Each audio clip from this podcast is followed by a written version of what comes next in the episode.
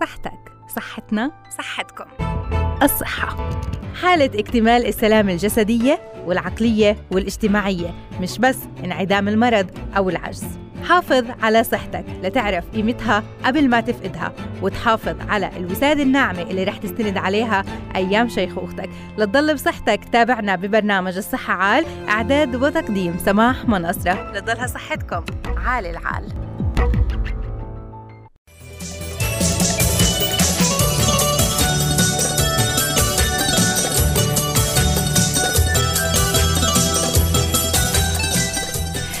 أسعد الله مساكم بكل الخير متابعينا تحياتنا لكم أهلا وسهلا فيكم بحلقة جديدة من برنامج الصحة عال. اليوم رح يكون حديثنا عن جزء من الجسم بشكل خط دفاع أول وبشكل جهاز مناعه قوي اللي هو اللوزتين لكن التهاب هذا الجزء من الجسم المتكرر خصوصا ممكن يودي بحياة الإنسان وممكن يسبب مخاطر كبيرة خصوصا على صحة الأطفال. والأسباب ممكن تكون بكتيرية أو فيروسية فلازم يكون في كشف عن هذا الموضوع لأنه المضاد الحيوي مش هو العلاج المناسب لبعض حالات التهاب اللوز. فاليوم بدنا نعرف أكثر عن التهاب اللوزتين والتهاب البلعوم شو الأسباب الطرق العلاجية والوقائية بالإضافة للعلاجات المستخدمة ومدار المضاد الحيوي المتكرر.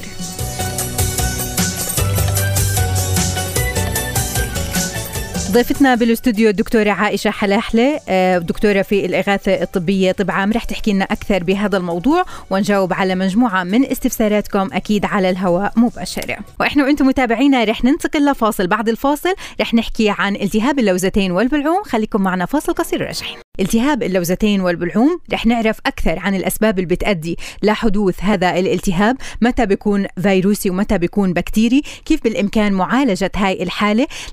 حتى اللوزتين اللي بشكلوا خط دفاع أول بالجسم وهم يعتبروا من جهاز المناعة يكونوا موجودين ويقوموا بعملهم المفيد داخل الجسم وما يؤدي كثرة الالتهاب لضرورة استئصالهم وفيما بعد ممكن أنه هذا الموضوع يسبب مخاطر أو كثرة حتى التهابهم ممكن تسبب مخاطر خصوصا لصحة الأطفال. فحديثنا بهاي التفاصيل أكثر. رح تكون مع الطبيبة بالإغاثة الطبية الدكتورة عائشة حلاحلة. أهلا وسهلا فيك شرفتيني. أهلا وسهلا فيكم كلكم. أهلا وسهلا بحضرتك. دكتورة بداية بدنا نحكي أكثر عن اللوزتين إيش هم وشو فوائدهم للجسم؟ okay. هلا زي ما حكيتي أنت بالمقدمة بالأول بدنا نعرف إن اللوزتين هي جزء من الجهاز الليمفاوي. م. اللي الوظيفة الأساسية له في الجسم هي الدفاع عن الجسم ضد أي كائن غريب ممكن يدخله. بكتيريا فيروسات أي نوع جراثيم. فبالنهاية الوظيفة الرئيسية مع عضوين أو يعني زي ما بنحكي عقدتين موجودتين آخر آخر اللسان م. آخر الفم. هدفهم الرئيسي إنهم يدافعوا عن الجسم. تمام. هلا ممكن إنه يعني يكونوا موجودين ويدافعوا عن الجسم ويقوموا بوظائفهم الطبيعية، لكن متى بتتوقف اللوزتين عن أداء وظائفها بالجسم؟ هلا بدنا نفهم إنه الجسم دائما ما بتوقف عن وظيفته. يعني أي شيء جاء منيح جسم سليم أو جهاز سليم رح يضل يشتغل. م. متى رح تتوقف؟ إن شاء الله ما رح تتوقف إلا مني اشيلها آه. بس إنه بقصد إنه ممكن تكون خطر. يعني متى ممكن إنه اللوزتين وجودهم بجسم الإنسان يكون خطر؟ بعد التهابهم؟ بعد الالت... هلا الأسباب اللي ممكن يكون خطرين اذا بصير التهاب وما عالجته بشكل صحيح ممكن يتحول لمضاعفات أصعب مم. اللي رح نحكي عنها بعدين إن شاء الله. تمام.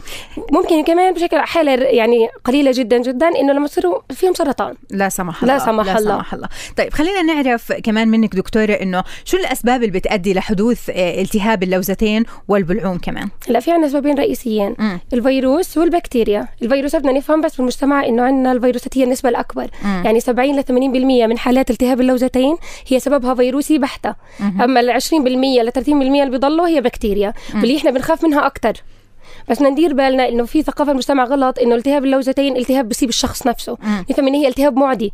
يعني لما بدنا نحكي هذا المريض عنده التهاب لوزتين لازم ندير بالنا حتى اللي حواليه يدير باله من الوضع يعني بلا ما ينتقل له الالتهاب بدأت أهله وأصحابه بالمدرسة. م-م. طيب هلا لما بيكون سبب فيروسي أو بكتيري كيف بيكون الكشف عن هاي الحالة؟ يعني هل الشخص لحاله بإمكانه يميز ولا لازم يروح لدكتور مختص؟ للكشف عن هاي الحاله لا ضروري دائما. إحنا أي مرض بجد علينا نروح نشوف الدكتور نطمن عليه. هلا بالبداية بيجيني أنا مريض عنده التهاب لوزتين بيشكي من أعراض ما بيشكي م. من مرض بحكي لي أنا عندي التهاب. بالضبط. ضروري إني آخذ منه التاريخ المرضي للمريض. المريض شو اللي جد عليك شو الأعراض اللي عندك. من الأعراض اللي عنده ممكن تدلي إن أنت عنده التهاب لوزتين. ممكن يجيك بوجع بالحلق بيجي بحرارة حتى بيكون في بالجسم بشكل عام. وجع في المفاصل مزبوط هذا هو كله. وبيجي بالأطفال بالذات بيجوا بضعف تناول الطعام والشراب. وهزل وسيلان بالذات عند الأطفال وبسميه كمان هيك تهيج للولد. كله نفسه بضله تعبان. تمام. هي من الأعراض ممكن ناخذها من المريض. هلأ بالفحص تبع المريض أنا ممكن أفتح ثم المريض أطمن عليه أشوف لوزته انتفخ ولا لا. م. عليهم تقيحات أو لا المنطقة اللي حواليها حواليها احمرار. إذا أفحص رقبته ضروري أتأكد ان في عقد لمفاوية مجاورة برضه انتفخت. بفحص له دينية أتأكد إن الالتهاب وصل لدينيه للوزه ل لعيونه للجيوب. للجيوب. هي كلها ممكن تصير بعدين. تمام. طيب هلا دكتورة لما بصير في عنا التهاب في اللوزتين إنه بنصير إحنا لحالنا نشخص وبنصير لحالنا إنه نبحث عن أسباب. أنا شربت مي باردة أنا ممكن تعرضت للبرد بشكل كتير كبير آه، أنا مفلوزة لهيك صار عندي التهاب اللوزتين. فخلينا نعرف إنه يعني الأسباب الحقيقية وراء هذا الموضوع سواء فيروسية أو بكتيرية. شو شو يعني فيروس؟ شو يعني بكتيريا؟ هلا الفيروس والبكتيريا كائنات حية دقيقة. م. أنا باخذها أو بتجيني من الجسم وباخذها هلا تحكي لي إنه بالبرد أنا شربت مي باردة صار أوه. عندي وجع اللوز وهذا لا ما. بيصير هو كائن حي دقيق. أنا تعرضت له. أغلب الوقت بيجوا بالأطفال. ليش بيجوا؟ لأن الأطفال أكثر ناس بنخلطوا مع أطفال ثانيين. أنت ما بتعرفي شو عندهم. صح بالضبط. فبياخذوا هذا الفيروس أو البكتيريا من. الناس اللي حواليهم فبتلتهب البكتيريا اللوجتين أها تمام. طيب هلأ كمان آه، يعني أعراض مرافقة لالتهاب اللوزتين. نحكي عن أعراض خطيرة لا سمح الله. هلأ الأعراض الخطيرة هاي فعليا بتتطور بنسميها مضاعفات. أكثر إحنا مش أعراض. بيجي المريض بنفس الأعراض بس ممكن الأعراض تصير شديدة أكثر بدلنا إن المريض طور أعراض. ممكن زي ما حكينا تنتقل الالتهاب هذا للأذن الوسطى ينتقل للجيوب ممكن زي ما حكينا على المدى البعيد ممكن يصير عند الولد الحمى الروماتيزمية هاي. هاي بنخاف منها اللي بتيجي بالروماتيزم كمان على الق... على على القلب. آه بتأذي الجلد وبتشوفي على طفح يعني وضعها سيء جدا. وحتى آه. الت... بسموها النظر البعيد بنخاف منها جدا للأطفال. م- م- م. وفي ال... ال... الشيء, الشيء الثاني الخطير ممكن يصير يعني ممكن ياثر على الكلية. آه. وتعمل فشل كلوي لو حتى مؤقت اللي ممكن يتحول لدائم. لا سمح الله. وهذا سيء. وهذا بنخاف منه بالذات بالأطفال. م. يعني ممكن الروماتيزم وممكن كمان السحايه ممكن. ممكن الالتهاب يوصل بالانتقال مباشر هذا بنفسها ممكن أوه. إنه التهاب اللوزتين يوصل للأذن من الأذن يوصل للدماغ وهكذا. آه تمام. طيب في سهولة بتشخيص التهاب اللوزتين للكشف عن آه، السبب الحقيقي وراءها وتقديم العلاج بالشكل الصحيح؟ هلا إحنا من كثر ما بنشوف حالات وانتشارها صار أنا مع الخبرة بنسميها إن أنا سهل أشخصها. أفحص المريض أخذ التاريخ المرضي أشخصها. بس إحنا بالذات بالأطفال اللي بصير عندهم التهاب متكرر وبنخاف من نقص مناعة ضروري أو حتى علميا يعني. إحنا أي مرض بيجي لنا التهاب لوزتين لازم نعمل له مسحة. بس إحنا مع خبرة الدكاترة فيروسي أو بكتيري. أو بكتيري. بس إحنا مع خبرة الدكاترة هلا ممكن نميز فيروس أو بكتيري. من من طبيعة المرض وكيف عامل بتم تمام. بس الأفضل إنه نعمل يكون في مسحة يعني أو بنعمل بخمس دقائق الفحص بنفس العيادة. الفحص تمام. طيب هلأ كمان دكتورة ممكن يعني في كثير من الأحيان وإحنا بنحكي عن التهاب اللوزتين المتكرر بالتحديد عند الأطفال آه بيروحوا ممكن لحتى ياخذوا آه، بعض العلاجات وبيكون في اعتماد على المضاد الحيوي. المضاد الحيوي صارت مشكلة آه يعني أمهات اليوم صاروا واعيين لإلها لكن أمهات ممكن آه سبقوا هذا الجيل كان الاعتماد على المضاد الحيوي بشكل كتير كبير ولهلأ في كمان هذا النوع. لما بيكون في اعتماد على المضاد الحيوي لعلاج مشكلة مثل التهاب اللوزتين والبلعوم شو مخاطر هذا الموضوع؟ هلا انت زي ما حكيتي ضروري ضروري إحنا نعمل اختيارات محددة باختيار المضاد الحيوي. مين رح ياخده مين ما رح ياخده. دائما الالتهاب الفيروسي لما الدكتور بيحكي لك التهاب فيروسي ما تاخذي أي مضاد حيوي. الالتهاب الفيروسي أعطي جسمك دور إنه يلعب مناعته. ربنا ما خلق المناعة على الفاضي. هلا الب... إذا بضلك. المضاد الحيوي حدد بس للالتهاب البكتيري. أنا اكون أكون عمالي بعطي ابني سواء التهاب فيروسي أو بكتيري عمالي بعطي مضاد حيوي مضاد حيوي.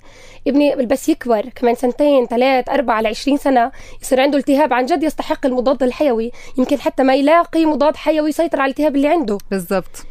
وفكرة انه وجود أهل لسه حاليا في وعي أحكي لك لا النسبة جدا شديدة. يعني بيجيني أمهات عمرهم 20 21 سنة أنا ما بطلعش من عندك إلا بدي مضاد حيوي. أنا ابني بنشفاش الا مضاد حيوي؟ أنت عمالك بتعمل ابنك كبير مضاد حيوي.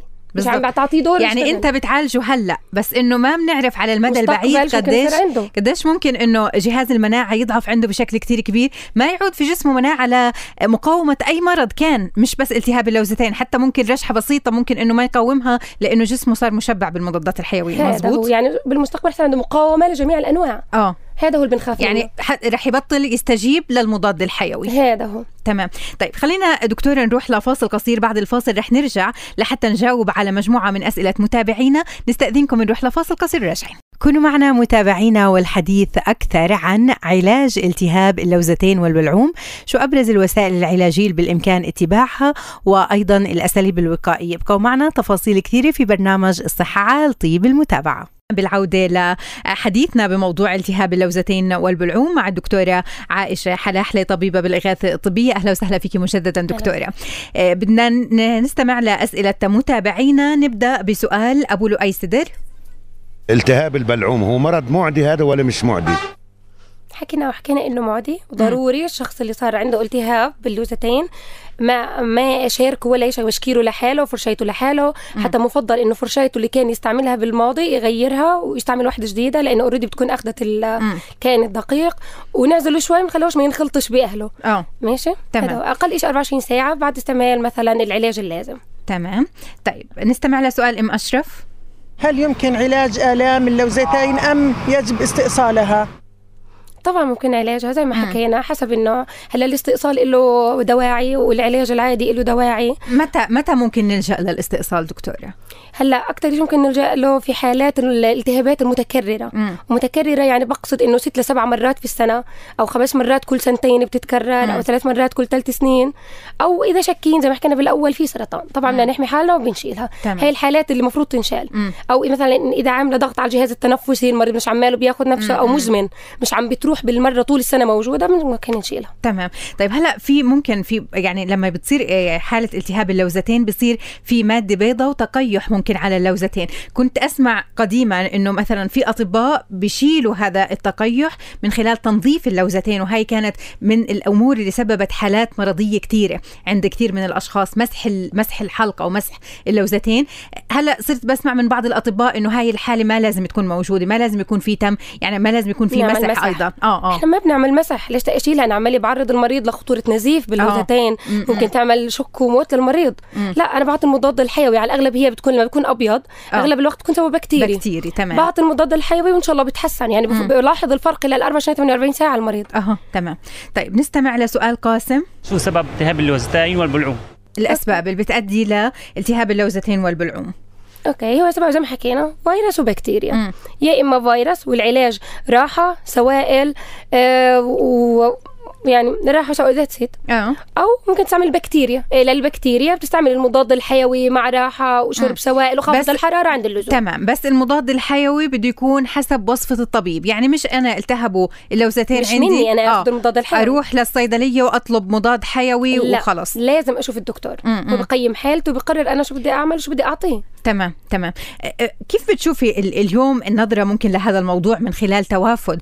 أه، ممكن ال- المرضى لعيادات الأطباء ولعياداتكم إنه صار في مثلا وعي إنه صار في التهاب لازم أنا أروح للدكتور لحتى يكشف لي هذا الالتهاب سببه فيروس أو بكتيريا وبعدين يتم على أساسه العلاج ولا الناس تتجه للصيدليات أكثر لا الصراحة حاليا لا الوضع أحسن من زمان يعني مم. بس برضه لسه الموضوع موجود ومشتهر يعني مم. يعني لازم ندير بالنا أي مريض الصيدلي مش دكتور مم.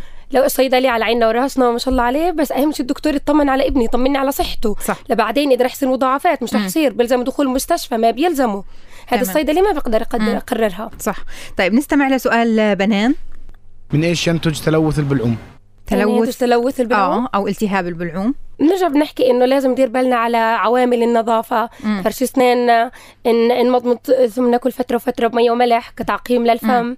نحاول الناس اللي عندهم هاي الالتهابات آه، نتجنبهم هاي الفترة نبعد عنهم. لأنه معدي. لأنه معدي. مم، مم. ونحافظ دائما على يعني ننظف أسناننا دائما. تطهير الفم دائما أهم شيء آه آه. يعني هلأ مثلا آه، نظافة الأسنان آه، مش بس للصحه الفموية بس. يعني نظافة ال- الجسم آه كله.